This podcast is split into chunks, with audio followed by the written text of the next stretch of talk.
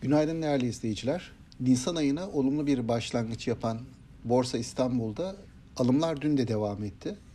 BIST 100 endeksi dün özellikle havacılık, telekom ve sektör bazında güçlü satış verileri açıklayan otomotiv sektör hisseleri e, desteğinde dün %3'lük e, bir artış sağladı.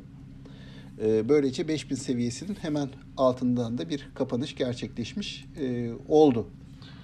Yurt dışı tarafta da e, dün özellikle e, değerli metaller ön plana çıktı. Değerli metallerde e, bir ilgi vardı.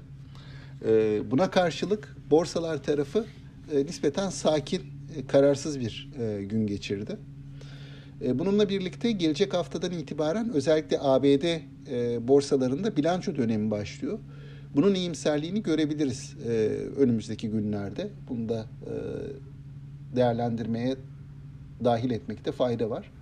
Borsa İstanbul tarafına baktığımızda ise e, bugün eşiğinde durduğumuz 5000 seviyesi genelde kritik bir seviye olarak kabul ediliyor.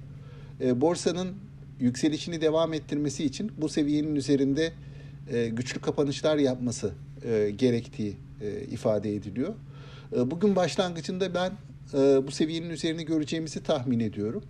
Gün içerisinde tabii ki dalgalı bir seyir izleyebiliriz.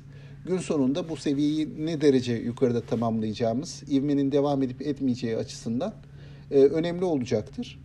E, netice olarak güne e, alıcılı bir başlangıç ve sonrasında nispeten daha sakin bir borsa seyri göreceğimizi tahmin ediyorum. Aktaracaklarım bunlar. Sağlıklı, bol ve bereketli kazançlı günler dilerim.